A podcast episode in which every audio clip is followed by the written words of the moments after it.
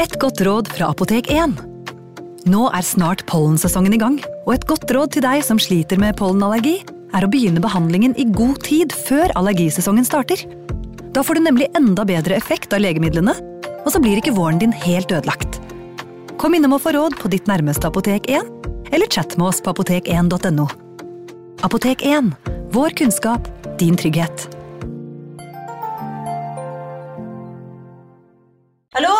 Jeg kommer fra Oslo politikammer. Ine Jansen er purk. Er du purk? The motherfucking bitch. Alt jeg vil, er å finne ut hva som skjedde med mannen min. Jon Carew. Er jeg sikta for noe? Iben Akeli. Det er du. Ole So, Lars Berrum og Big Daddy Karsten. Hvem sin side er du på, egentlig? Anette Hoff, Tone Danielsen, Kommer du fra Afrika? Jørnis Josef, Nesten. Kløfta. Trond Espen Seim, Det er synd å si det, men det var feil mann som døde. Purk. Premiere tirsdag på TV2 Play.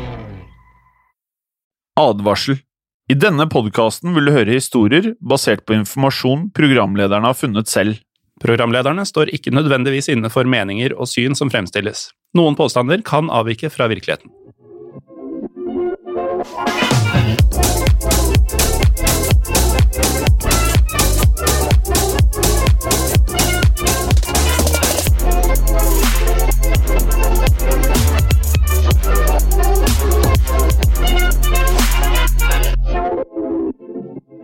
Hei, Morten Gallosen. Hei, Fosheim.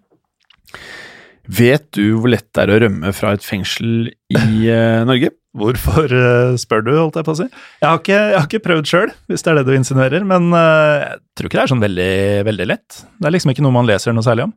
Jeg føler ikke det er så lett heller, men det er veldig vesentlig i forhold til dagens innhold i dagens episode. Fordi vi skal nemlig eh, høre om en fyr som har gjort det å unnslippe fangenskap til sin kunst. Og vi skal høre om alle fengslene han satt i. Ja. Om det var et lensmannskontor eller massive festninger, så kom han seg ut. Jeg kan faktisk ikke understreke nok, Morten, hvor flink han var til å komme seg unna diverse former for uh, fangenskap. Um, så dere lyttere, dere bør egentlig bare nå introduseres først som sist til statistikken til denne mannen. For han rømte ikke én gang, ikke fem ganger, ikke ti ganger, men 13 ganger så klarte vår mann å rømme fra fangenskap. Det er greit imponerende, og en del lyttere vet nok allerede hvem vi snakker om, for dette er en mann vi har fått tips om. Det er selvfølgelig Ole Høyland, og det betyr at for første gang i sesong to av Historiepodden så skal vi til gamle Norge. Og det føles godt å være på litt mer lokale trakter, Jim. Mm, mm, mm. Ja, det føles veldig deilig å være tilbake i Norge. Eh, vi har jo da tenkt at vi skal være enda mer i Norge i sesong to enn det vi var i eh, første sesong. Og Høyland føles da spesielt riktig å sparke i gang da, dette norske bidraget i andre sesongen vår. Han var en mann med hobbyer helt utenom det vanlige, hvis man kan kalle det en hobby. Alt fra tyverier og de mest imponerende fengselsflukter man kan få servert, føles det som. Ja, såpass eh, drøy var han at han ble jo en slags folkehelt mens han herja på 1800-tallet. Kriminell folkehelt. Ja, altså en myteomspunnet eh, Robin Hood. Han stjal jo, han også. Eh, men han hadde jo da en tendens til å stjele fra de rike og gi til de fattige. Men eh, om Høyland eh, ga noe særlig til de fattige, det vites kanskje ikke helt av Morten. Det vet vi ikke så mye om, nei, men han ble jo sett på en som kunne kødde litt med makthaverne, da, mens han eh, alltid slapp unna, nesten alltid, slapp unna lovens lange arm. Ja, fordi vi var jo inne på dette her med hobby. Man kan jo også si at det var unike egenskaper, dette her. Eh, han ble jo kjent som en mestertyv og en utbryterkonge, må man kunne si. Og det har jo vandret eh, åpenbart, når vi begynte å researche dette her, så er det jo helt klart eh, utrolig mange fortellinger eh, man kan ta tak i her. Og angivelig skal det da nesten være en fortelling om Høyland i hver eneste by i Sør-Norge. Ja, det er litt kjendisstatus eh, der, altså. Lenge før internett, og hvor det ble lett å bli kjent, sånn som du og jeg holder på med nå. Eh, Men vi må nesten begynne med Høylands faktiske liv, for i ettertid så har det dukka opp mange ekstra historier, kan man si, som eh, ikke nødvendigvis er eh, sanne. Og i den sammenheng så tenkte vi å koste på oss et lydklipp fra filmen om han, eh, som heter 'Balladen om mestertyven Ole Høyland'. Et eh, sitat som jeg føler oppsummerer fyren ganske godt. Jeg gleder meg. Det er ærlig tjuvgods. Gledelig jul. Den faktiske Ole Høiland, eh, Morten, han ble døpt 24. februar 1797 i Vest-Agder. Det gjør jo historien hans til den eldste vi har hatt til nå i historiebånden. Eh, og fram til 1816 hadde da Ole et knippe jobber som eh, Litt overraskende når vi har introdusert han her, så er det da han startet som gjeter, han gjorde gårdsarbeid og prestetjenester. Høres ut som en lovlydig type. Absolutt. Og, men litt sånn som vår uh, Iceman i forrige episode, så var ikke dette her noe for han. Eh, men vi kommer jo da til å komme nå inn på det som da er kallet hans, Morten. Ja, og noe som er relevant her, er jo at eh, det var ganske dårlige kår i Norge på den tiden Ole Høiland eh, vokste opp. Napoleonskrigene hadde tatt slutt året før, og de hadde jo tatt hardt på. Og dette var jo da også rett etter unionsoppløsningen, rett etter 1814. Vi er jo glade for ikke å være i union med Danmark nå i dag, men rett etter oppløsningen var jo Norge på ustø grunn, Morten. Ja, av mange årsaker. Plutselig skulle en ny statsstruktur skapes, og pengevesenet var i uorden. Det var en krig på toppen av det hele. Det var i hele tatt et ganske et land som var rufsete i kantene. Ekstra dårlig var det da for høylandsfamilie, som på denne tiden står oppført som boende i et hus tilhørende byens fattigkasse. Ole sine handlinger da ba jo selvfølgelig preg av disse trange kårene, og allerede som 19-åring skulle han da bli stilt eh, til retten for tyveri. Da var han tiltalt for å ha stjålet eh, verdisaker fra en gård, og ha stjålet fra bønder på bybesøk til Kristiansand, og for å ha stjålet fra en prestegård. Han stjal smykker, eh, lommer, mynter, sølvtøy, kniver og klær. Eh, Morten, hva tror du verdien på dette kunne utgjøre? Litt usikker på hva som var myntenheten på den tida, men det høres jo ut som det kunne bli noen skilling av det. Om ikke skilling, så ble det noen daler. Eller spesiedaler. Hvordan hadde du uttalt det? Spesi... Spesi spesiedaler? Spesiedaler? Spesieldaler. Spesielldaler. For det hører da til historien at det han da ble tatt for av uh, tyveri første gangen, hadde en verdi på 88 spesiedaler. Spesiedaler hadde vi vel ikke hørt om før researchen til denne episoden. Det er litt lettere med, med NOK, eller norske kroner. Jeg føler det sånn.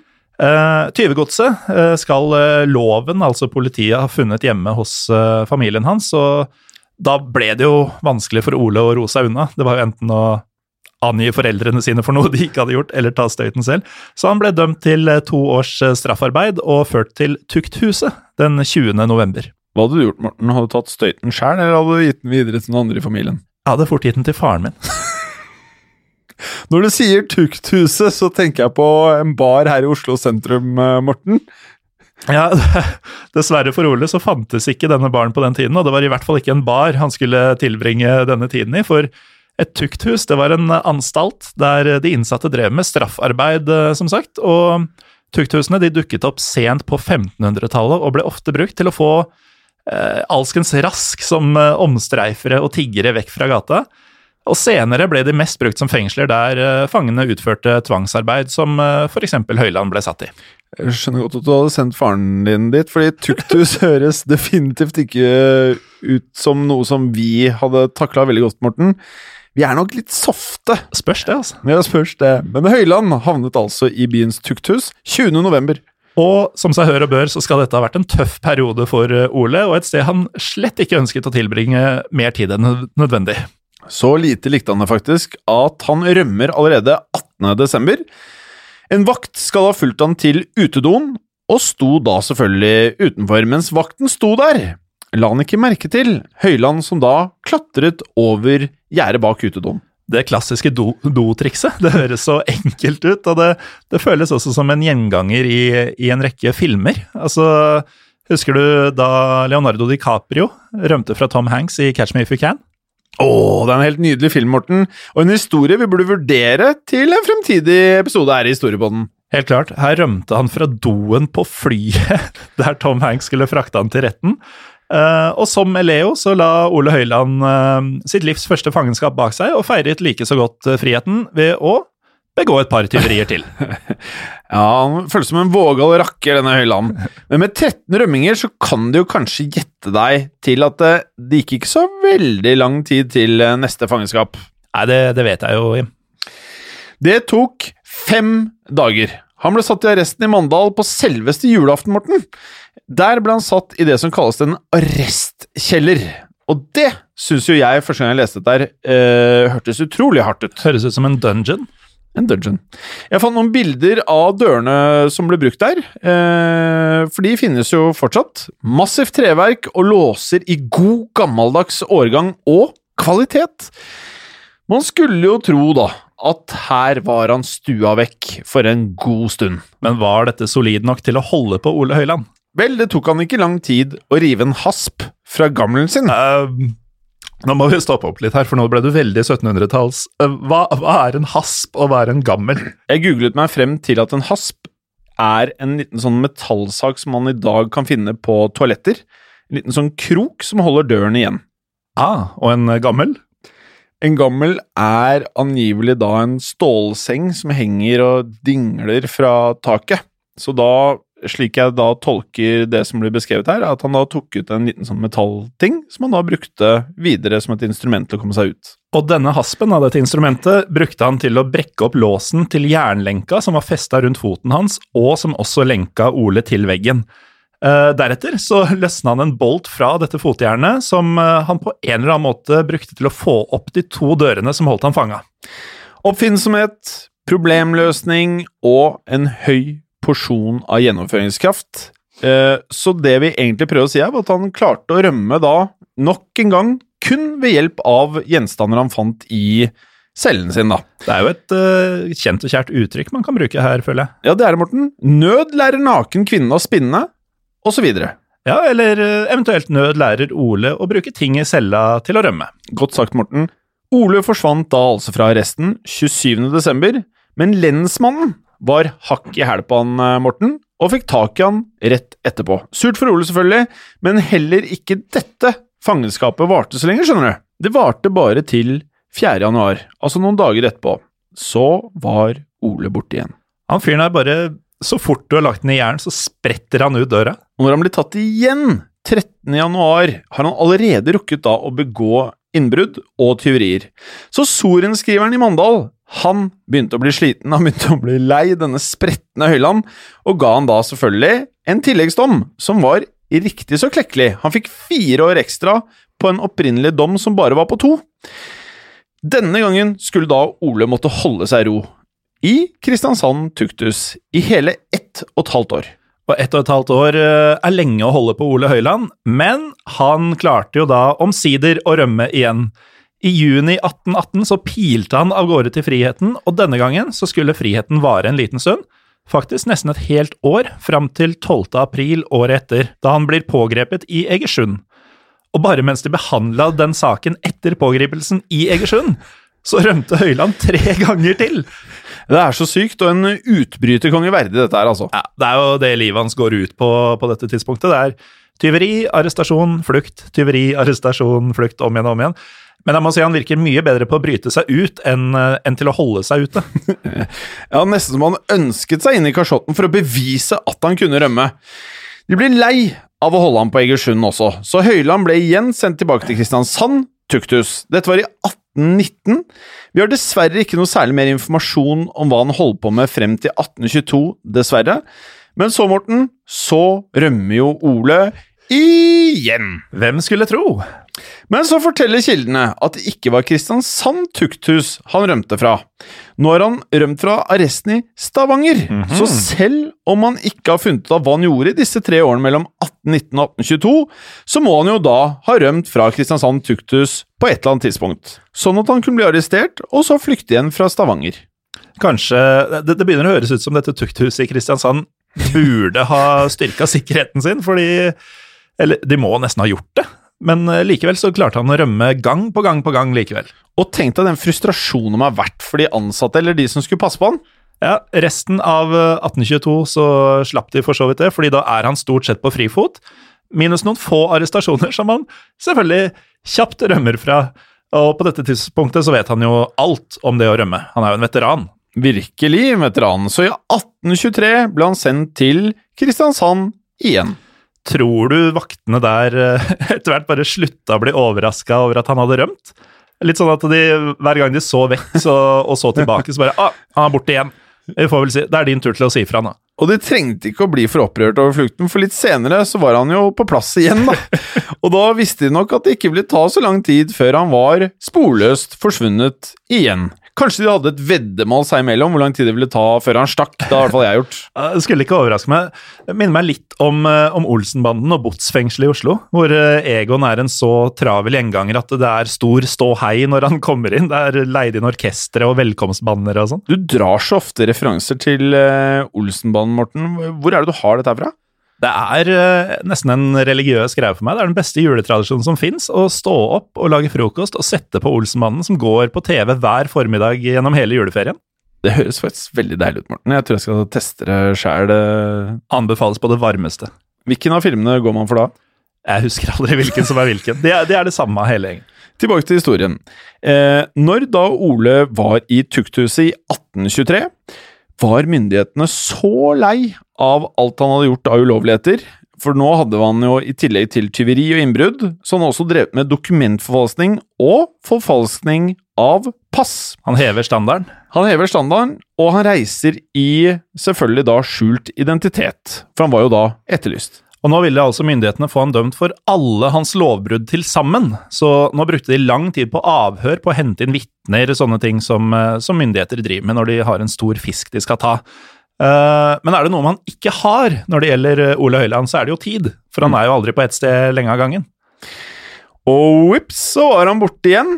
Han var innestengt i et loft der han var lenket til veggen. Uvisst hvordan han klarte å, å file over lenkene sine her, selvfølgelig. Kanskje han uh, reiv en hasp av gammelen sin? Det kan være han reiv en hasp fra gammelen sin igjen. Deretter brukte han et opprevet laken og firte seg ned det halsbrekkende høye bygget som vi blir beskrevet i historien. Det er jo enda en filmrømming, føler jeg. Å, bruke laken, sånn sammen, sammenknytte laken, for å rømme fra høye tårn osv. Det var jo det vi husker fra sesong én med Gulosten. Han rømte jo fra sykehuset nettopp på denne måten. Som nevnt tidligere så finnes det jo en film om Høyland. Den er fra 1970 og heter Balladen om mestertyven Ole Høyland. Og Bare den tittelen sier jo litt om statusen hans. Når man uh, kaller han en mestertyv, så er det et snev av beundring i det. Stor beundring! Vi prøvde da å finne denne filmen, uh, Morten. Så vidt vi kan uh, forstå, så er den verken oppdrevet på DVD eller Blu-ray, det er kanskje ikke så overraskende, men hele filmen ligger da på YouTube. Så her er det bare å søke opp. Ja, hvis du tåler skuespill av det man kanskje kan kalle ymse kvalitet. Men det er, det er, såpass ymse at det blir morsomt. Ja, det vil jeg kanskje si. Tilbake til den virkelige Ole i 1823. Myndighetene fortsatte etterforskningen sin mens Ole var på flukt. De ransakte også hjemmet til foreldrene hans, og der fant de et par ting. Så det var litt mistenkelig at da fattigfolk skulle ha på denne tiden. Ja, for dette var jo så fjonge ting som en eh, sølvskje, brun sukker og kaffe. Veldig ålreit. ja, vi, vi, er jo vant til at eh, alle har litt kaffe hjemme, og, og vi sitter og drikker kaffe nå. Mm -hmm. men på 1800-tallet, Jim, da var det ikke den utbredte folkedrikken som jeg er vant til i dag. Kaffe var rett og slett dyrt. Så det å finne kaffe på kjøkkenet til fattigfolk, og da særlig fattigfolk som var foreldre til en mestertyv, det ble jo ansett som litt mistenkelig. Veldig mistenkelig. Faren påsto at han hadde hatt sølvskjeen i mange år, og det kan jo høres noe troverdig ut. Moren påstod at hun hadde funnet kaffen og sukkeret i skogen, bare sånn slengende rundt, uten å fortelle det til mannen sin, da. Altså, når jeg er tom for kaffe hjemme, så går jeg alltid ut i skogen for å bare snuble over en pose her og der. Det er ikke noe annet sted man finner det? Nei, det er sånn man får tak i kaffe. Men eh, hvis eh, brunt sukker og kaffe skulle være dyre saker, så er det jo litt merkelig at man bare kunne finne det på en lysning i skogen. Vi skal være såpass ærlige at vi går ikke ut i skogen etter kaffe nei, Nei, jeg gjør ikke det. Uh, og særlig mistenkelig ble det da det kom frem at nettopp sukker og kaffe var blitt stjålet i et innbrudd på en gård i det samme området. Det endte med at faren ble frifunnet, mens morens forklaring ikke helt holdt stand. Overraskende nok. Og hun ble da siktet for helleri, altså besittelse av tyvegods. Hun fikk fire dager i arresten, og ingen av foreldrene nevnte Ole med et eneste ord i dette tilfellet. Men hvor var Ole på dette tidspunktet? Han skal ha vært i skogen, selvfølgelig, rundt Kristiansand akkurat da. Jeg fant noe fint her. Det er et vers som selveste Henrik Wergeland diktet om han, og jeg tror det handler om når han da gjemmer seg i skogen. Bare hør på dette, Morten. Ola Høyland er ei hjemme, han er gået i grønnen skov, han er gået foruden lov, når den stille midnatt dalte, til den gryende litt at dag, brugde Ole Flink sin saug, den var liden, tynd og skralte, ved vertandet av hans drag. Åh, det var nydelig, Jim. Det får han jo ikke til å høres mindre ut som en, eh, en romantisk helt som går i den grønne skogen eh, litt sånn utenom loven, eh, men han var vel ikke bare i skogen? Nei, han skal også ha beveget seg mye mellom Porsgrunn og Brevik, som er ganske store avstander da, til fots, vel å merke. Ole brukte mest sannsynlig bare bena til å komme seg frem. Bena, eller apostlenes hester, som de også kalles. Han skal ha hatt utallige gjemmesteder opp gjennom karrieren sin, hvis man kan kalle det en karriere, da. Blant annet finnes det en hule i skogen utenfor Kristiansand sentrum som kalles Høylandshola, som sies å da være et av de stedene han pleide å gjemme seg aller oftest. På denne tiden skjedde noe av det kuleste i Høylands liv, ifølge meg i hvert fall. Fordi han skal ha brutt seg inn hos lensmannen i Bamble. Eh, Bamble i Telemark, altså. Og det må jeg si er ganske dristig. Det er så dristig. Du er på flukt, du er ettersøkt, du har en lang, lang straff eh, i vente dersom du blir tatt for en rekke lovbrudd, og hvem bryter du deg inn hos? Lensmannen. Det passer jo da litt til den personen han fikk av folket. Tyven som konstant smetter gjennom makthaverens fingre, og bryter seg inn hos dem etterpå, som for å gjøre narr av dem. Ikke sant? Og det at Høyland var på rømmen, det hindra ikke myndighetene i å avsi hans nye dom. Han skulle i fengsel på livstid, og i fengselet så skulle det være inkludert straffarbeid. Og i tillegg ble han dømt til det som ble kalt uh, kakstrykning. Ok, hva går det ut på, Morten?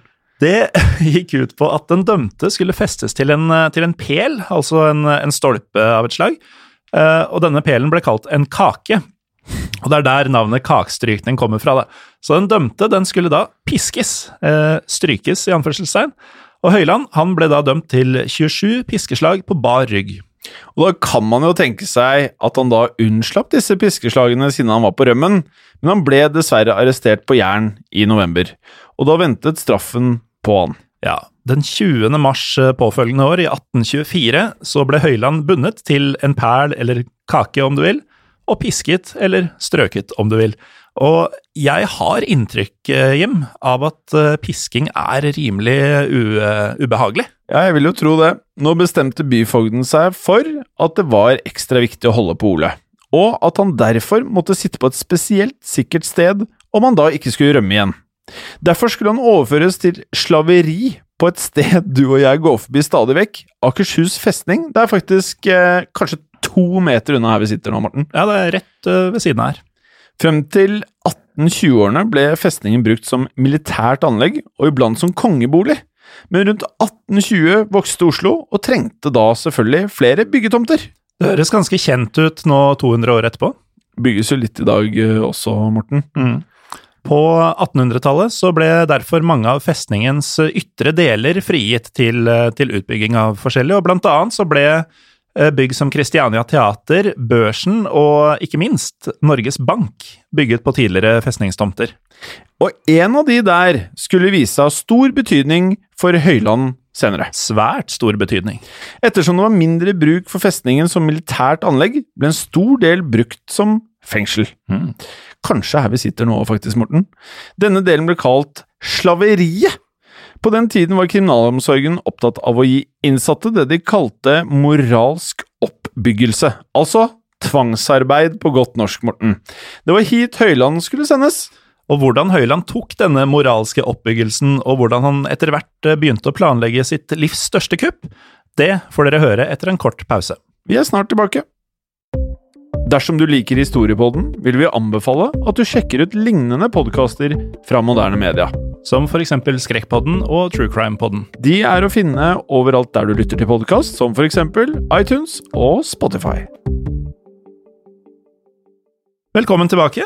Vi var med en arrestert Ole Høiland på vei til Akershus festning i 1824. Og det var en lang vei til Oslo, og byfogden rapporterte i et brev til følge at Høiland måtte være under konstant bevåkning. Han låter jo som sånn uh, høyrisikofange, men han, han, virker jo ikke spesielt farlig, syns jeg. Altså, Kjempekriminell til fingertuppene, men det var, det var jo mest tyveri og, og flukt fra autoritetene han holdt på med. Ja, jeg har ikke funnet noe mer uh, alvorlig enn det i, i kildene vi har brukt, altså. Det kan jo hende det er ting vi ikke vet, eller vi ikke har fått med oss, eller så bare sa de at han var farlig, sånn at vaktene faktisk skulle passe ekstra godt på denne villstyringen. Ja, for uh, i teorien så skal det jo være så enkelt som at hvis de passer ekstra godt på, så vil det være enda vanskeligere å rømme. I teorien, altså. Uh, for det virker jo ikke som den karen her har så mye problem med å flykte uansett sikkerhetsoppbud. Men Morten, nå kommer vi til min favorittdel av dette brevet. Altså brevet som byfogden sendte ut til vaktene? Ja. Da tror jeg jeg vet hvor du vil hen, Jim, for dette brevet illustrerer jo denne oppfinnsomheten til Ole Høiland. Og byfogden sa jo at de hadde funnet uh, følgende, tatt fra et direkte sitat.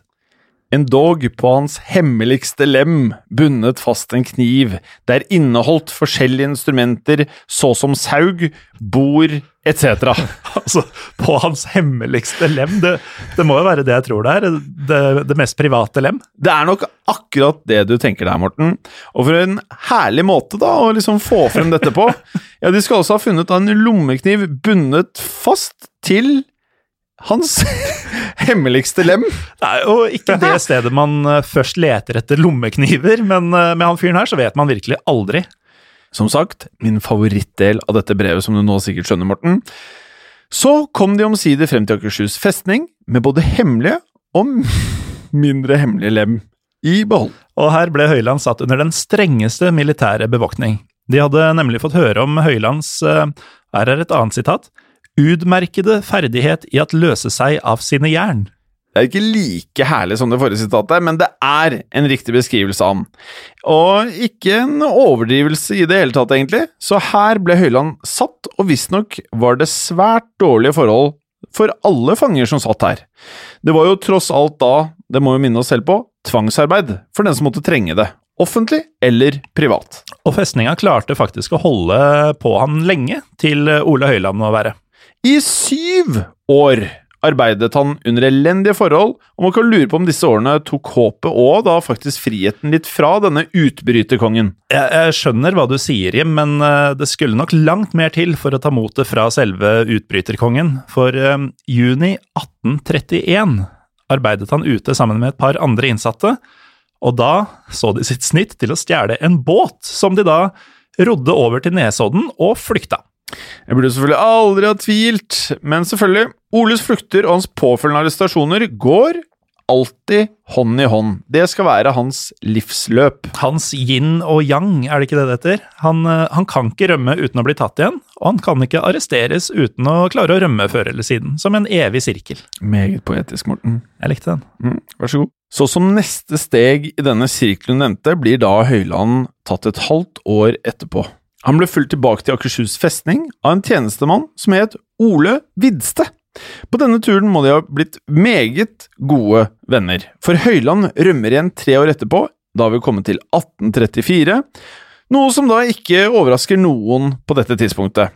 Og da søkte han ly hos selveste Vidste, faktisk. Men det var mot betaling. Eh, Vidste hadde slutta i tjenesten før Høyland rømte, så han eh, følte nok ingen plikt til å melde Høyland var da disse høye klirringene av myntene til Høyland som fikk han til å tie, vil jeg regne med? Vidste bodde litt nord for, eh, for Torshov i Oslo og skjulte Høyland i kjelleren sin. Og der eh, lagde Høyland nøkler, dirker og annet utstyr. Eh, litt usikker på om hasp var en av de tingene han lagde. Men det var nemlig mens han bodde i Hvidstes kjeller at han planla sitt største innbrudd hittil.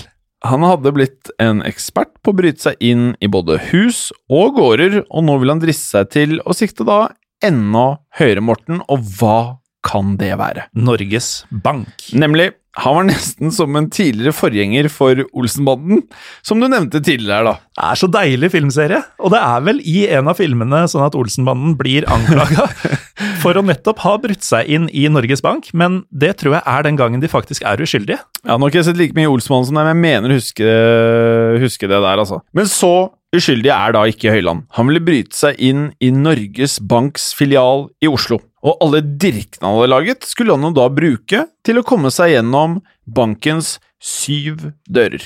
Han planla da alt i nøye detalj, altså alt måtte times og tilrettelegges, som, eh, som Egon ville sagt. Innbruddet skulle gjennomføres i jula, fordi da ville det være færre folk der. Selvfølgelig. Først måtte han finne ut hvordan han skulle komme seg inn hovedporten. Derfor satt han i skjul utenfor banken i fire kvelder og memorerte hvordan nøkkelen til porten så ut.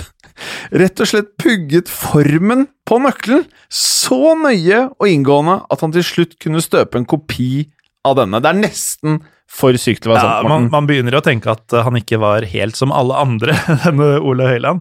Det er rimelig imponerende gjort da når man tenker at eh, nøkkelen hadde hele 14 hakk, og alle disse måtte ha riktig størrelse og riktig plassering. Men selv om det var en stille tid for banken, så var den ikke ubevoktet, skjønner du. Utenfor patruljerte brødrene Hans og Peder Olsen. Da måtte Høyland ty til bestikkelser, og bestikkelser, det var jo noe han var kjent for fra før. Og han var flink, og han var god på å overbevise folk. Her skal dere få høre en del av filmen hvor han bestikker en forbipasserende til å ikke angi han. Jaså da. Det skulle ikke være han uh, Ole Høiland, vel? Nei, skulle det være litt Nei, skulle det. Ja, du svarer godt til beskrivelsen. Ole Høiland han er tjukk og feit som en gris, han. Ja, da må nå ete godt, si han stakk fra Stavanger sammen med en Jakob Tengsterek. Dem er på leiting etter dem. Øvreheta. Dem kommer hitover.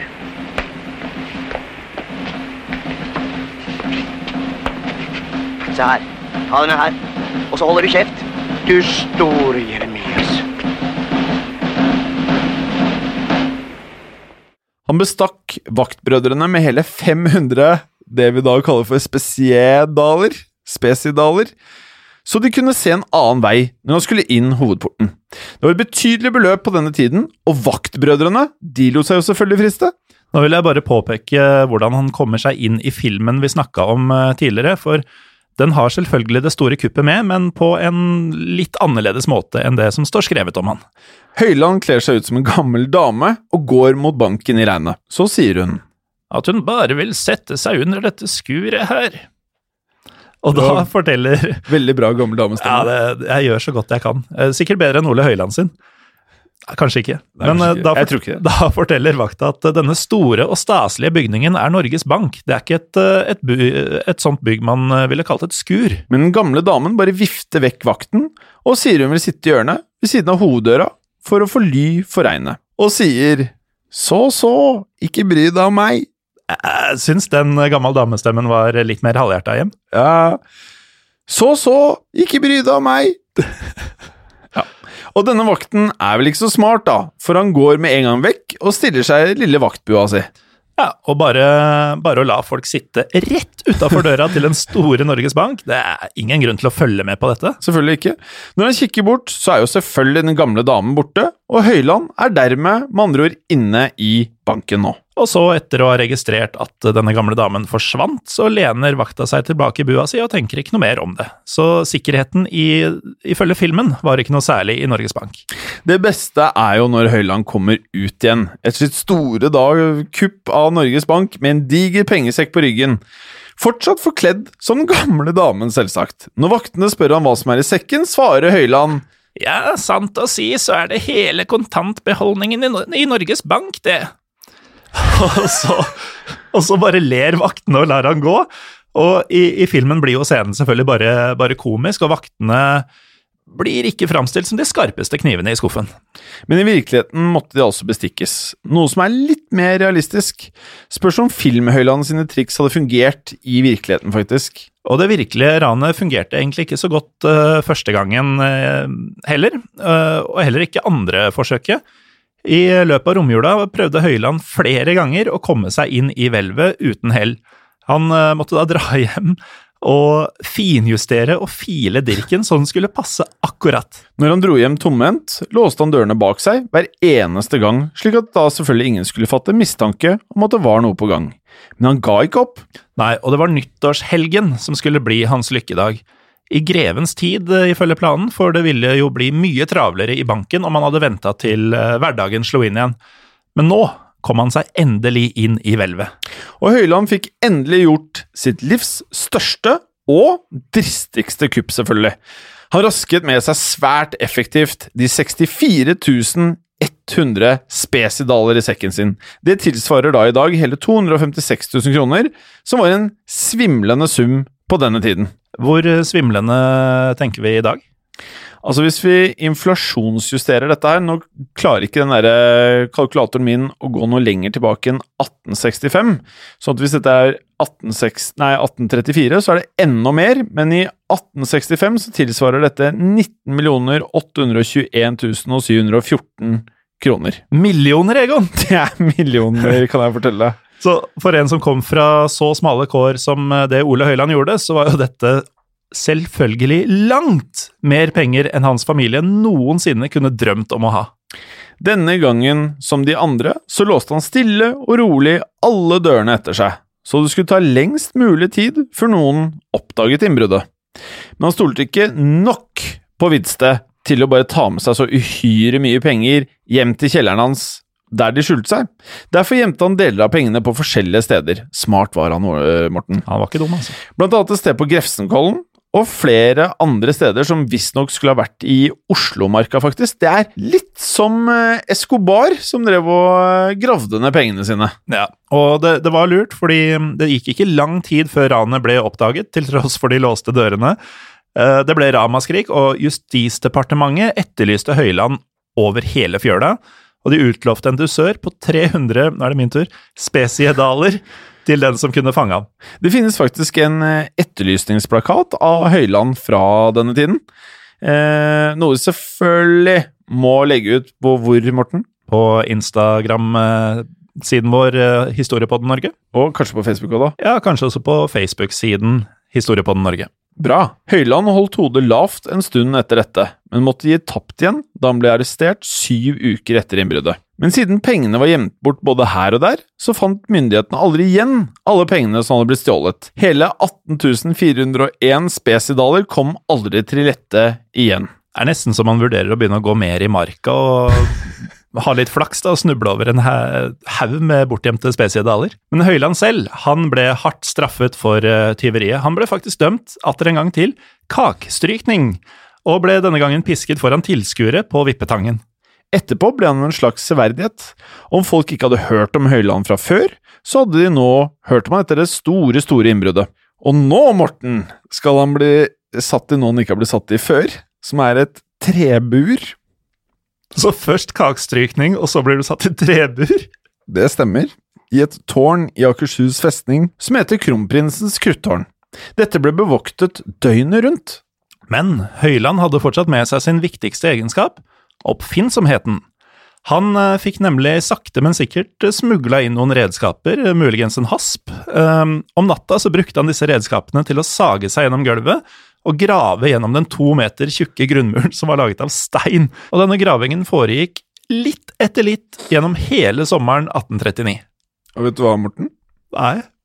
Han gjorde dette mens han var fullstendig naken.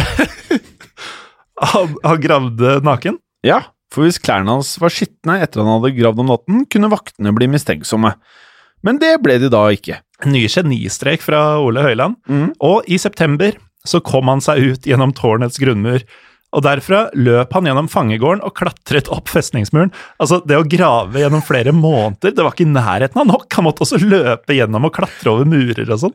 Uh, dessverre for Ole så gikk det ikke like lett å klatre ned, for han han sklei og falt hele ti meter rett ned, men likevel så kom han seg vekk. Eh, relativt imponerende etter et ti meter høyt fall når du er over 40 år gammel. Det er helt vanvittig. Det ble enorm ståhei i uh, Oslo når det ble kjent at han da faktisk hadde rømt fra Akershus festning. For han var jo allerede en snakkis, han var jo en kjendis, og dette tok det jo alt til nye høyder. Det var sladder, fortellinger, og det var stort sett overalt. Myndighetene ble så absolutt forsterket her. Ja, og Det virka som folk uh, likte han ganske godt. Han var, uh, han var jo kjent for å, eller ble etter hvert kjent for å skjule seg mye hos vakre kvinner når han først var på frifot. Og, det er ikke feil. Nei, og den der Robin Hood-greia han hadde gående, den tror jeg ikke akkurat skada draget han hadde på damene. Det kan jeg tenke meg, men ikke alle var så store fans av Høyland. For da Høyland var på frifot igjen, endte han opp en krangel med en tidligere medhjelper som het Ole Enger. Det begynner å bli litt mange Oler i historien her nå. Jim. Voldsomt. Ja, det er vel den tredje her, er det ikke det? Jeg tror det. Uansett, Ole Høyland og Ole Enger ble uvenner etter en krangel om penger.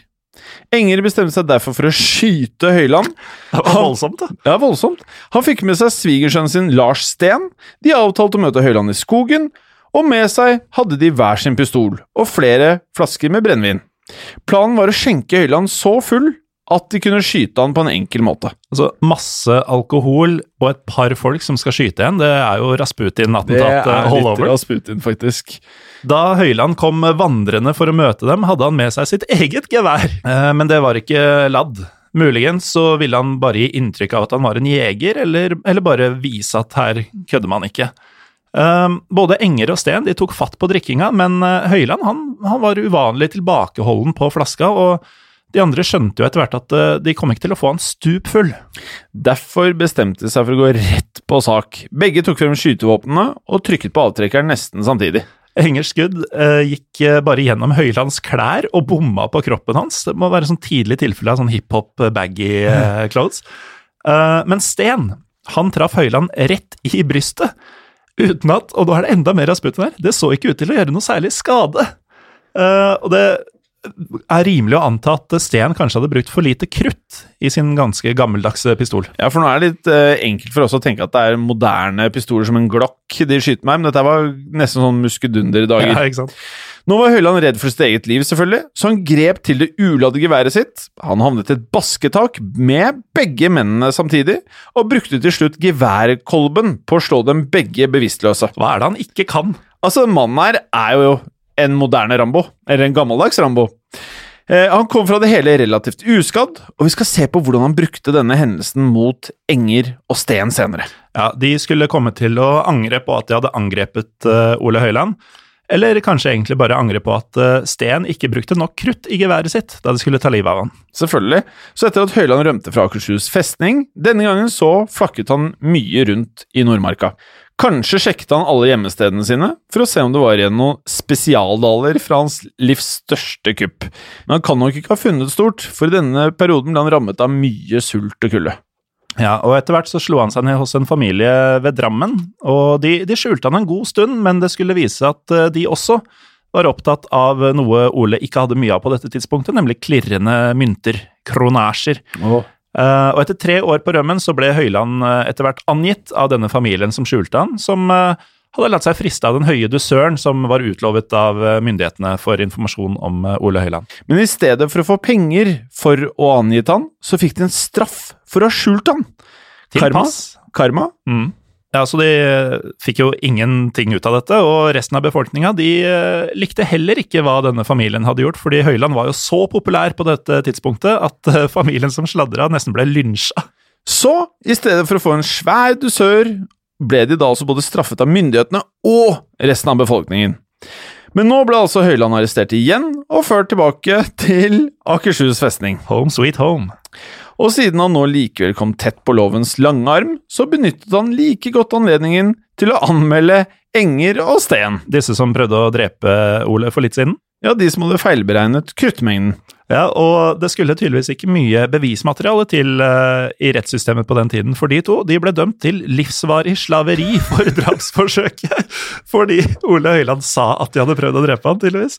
Uh, vi vet ikke helt om de, om de, også ble sendt til Akershus festning eller et annet sted. Vi har, vi har ikke funnet noe om at de møtte hverandre der, så for det ville jo blitt et lite rabalder, tror jeg, hvis uh, Enger og Sten og Høiland hadde braka sammen på festninga.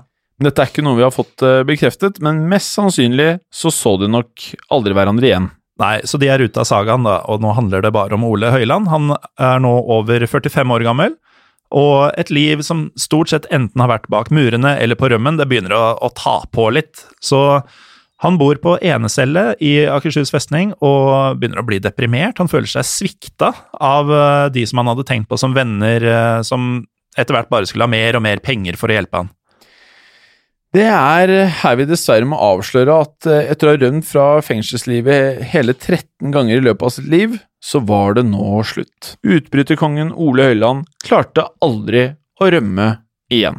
Han ga seg ikke, han eh, prøvde derimot nye metoder for å komme seg ut, for eh, to ganger mens han satt der, så sendte han brev til den svenske kongen, eh, kong Oskar den som på denne tiden også var kongen av Norge med, med unionen og greier. I disse brevene så ba han kongen om benådning, noe kongen var helt uinteressert i. Begge brevene ble avslått. Som den frie fuglen Ole Høiland så på seg selv, så så han nå ikke noe fremtid ved å være innesperret i festningen og han innså etter hvert også at han ikke ville klare å komme seg ut en gang til. Så, den 20. desember 1848 hang Ole Høiland seg i cellen sin. Det er en eh, trist slutt for eh, mestertyven og utbryterkongen eh, Ole Høiland. Men de folka vi tar for oss i historiepodden, de har det med å dø på skuffende vis, har de ikke det? Ja, sånn i forhold til myten så føler man jo ofte det, da. Mm. Jeg hadde håpet han skulle dø fri og frank, men sånn gikk det da ikke. Men myten om Ole Høiland levde i alle fall videre, helt fram til i dag. Og det er vel trygt å si, Jim, at Ole Høiland han er en del av den norske folkesjela. Og på et sånn mystisk vis så blir han vel nesten sett på som en helt. Uh... Det er jo en underdog-story. Det er jo en som kom fra ingen steder og ble utrolig god til noe, og elska av store deler av folket. Og med det så har vi hatt kanskje en av våre mest spennende og morsomme historier så langt. Det har vært mye komikk i, i, livet til Ole Høiland. Noe ufrivillig, som da han faller ti meter ned og rømmer videre, men også alle disse halsbrekkende planene om hvordan han bryter seg inn hos lensmannen, eh, kler seg ut som en dame, nå var det riktignok bare i filmen, men for å bryte seg inn i Norges Bank osv. Alle disse Olsenbanden og Catch Me If You Can-greiene som gikk igjen i en virkelig manns liv her i Norge. Og det vi merker, vi har aldri vært så langt tilbake i tid, har vi det? Nei, dette er den eldste historien så langt. Ja, og vi merker jo spesielt i og med at det er fra Norge, at mange av ordene her er jo nye for oss. Ja. Og de uh, har jo bydd på noe uttalelsesutfordringer for vår del. Og ikke bare det, du måtte jo proklamere et dikt her ja. i tidligere episoden. Hvor behagelig var det? Det var uh, ikke veldig behagelig. Men uh, nå er det vel ikke så mye mer å si om livet til Ole Høiland? annet enn at han nå er en del av historiepodden, ikke bare historien. Så med det, Morten, så ønsker vi vel kanskje å si noe til lytterne våre avslutningsvis? Gjerne noe om uh, sosiale medier. Ja, sier du det? Mm. Fordi jeg styrer jo da Instagrammen vår. Som er Historiepodden Norge. Helt riktig. Og du styrer Facebooken vår, som er Historiepodden Norge. Helt riktig. Eh, og der kommer vi nok til å legge ut eh, Det er jo ikke alltid vi, vi merker det med The Iceman, at det, eh, var ikke alle bildene som var tilgjengelige til å repostes på sosiale medier. Det fikk jeg faktisk spørsmål om fra, fra, en lytter. Hvorfor kunne dere ikke legge ut eh, bilde av han? Nei, fordi vi får bare lov til å legge ut det som er, er merket for gjenbruk, rett og slett. Av uh, opphavsrett. Mm. Så da er det jo ikke alltid vi, vi kan vise akkurat det vi ønsker, sånn ideelt sett. Ja, og Vi har jo ikke alltid vært til stede og fotografert disse med smarttelefonene våre. Nei, for det er en stund siden det skjedde, ikke sant? Ikke sant? Ja. Så det har vært eh, vanskeligere for oss. Men med det, gå inn på iTunes, vær så vennlig og rate oss, og legg gjerne igjen en liten uh... Liten kommentar. Ja, vi liker jo det. Vi gjør det. Uh, og med det, så hva pleier vi å si, Morten? Vi pleier å si at uh, det har skjedd.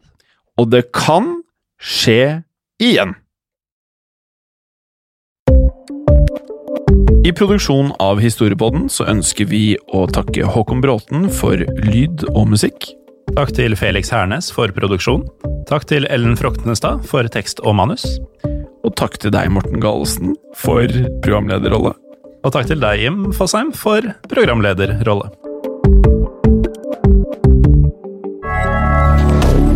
Moderne media.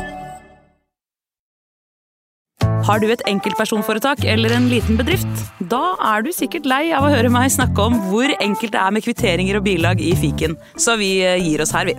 Fordi vi liker enkelt. Fiken superenkelt regnskap. Hei, og takk for at du lytter til Historiepodden. Skulle du ønske at du kunne høre en ny episode av Historiepodden hver eneste uke? Vel, da er det én ting å gjøre. Da kan du laste ned podkastappen Untold med det samme. For i tillegg til ukentlige episoder av podkaster som Historiepodden andre verdenskrig, Henrettelsespodden og også Gangsterpodden, så får du masse annet reklamefritt og også eksklusivt innhold. Last ned Untold i AppStore eller Google Play og start din 30 dagers gratis prøveperiode allerede i dag.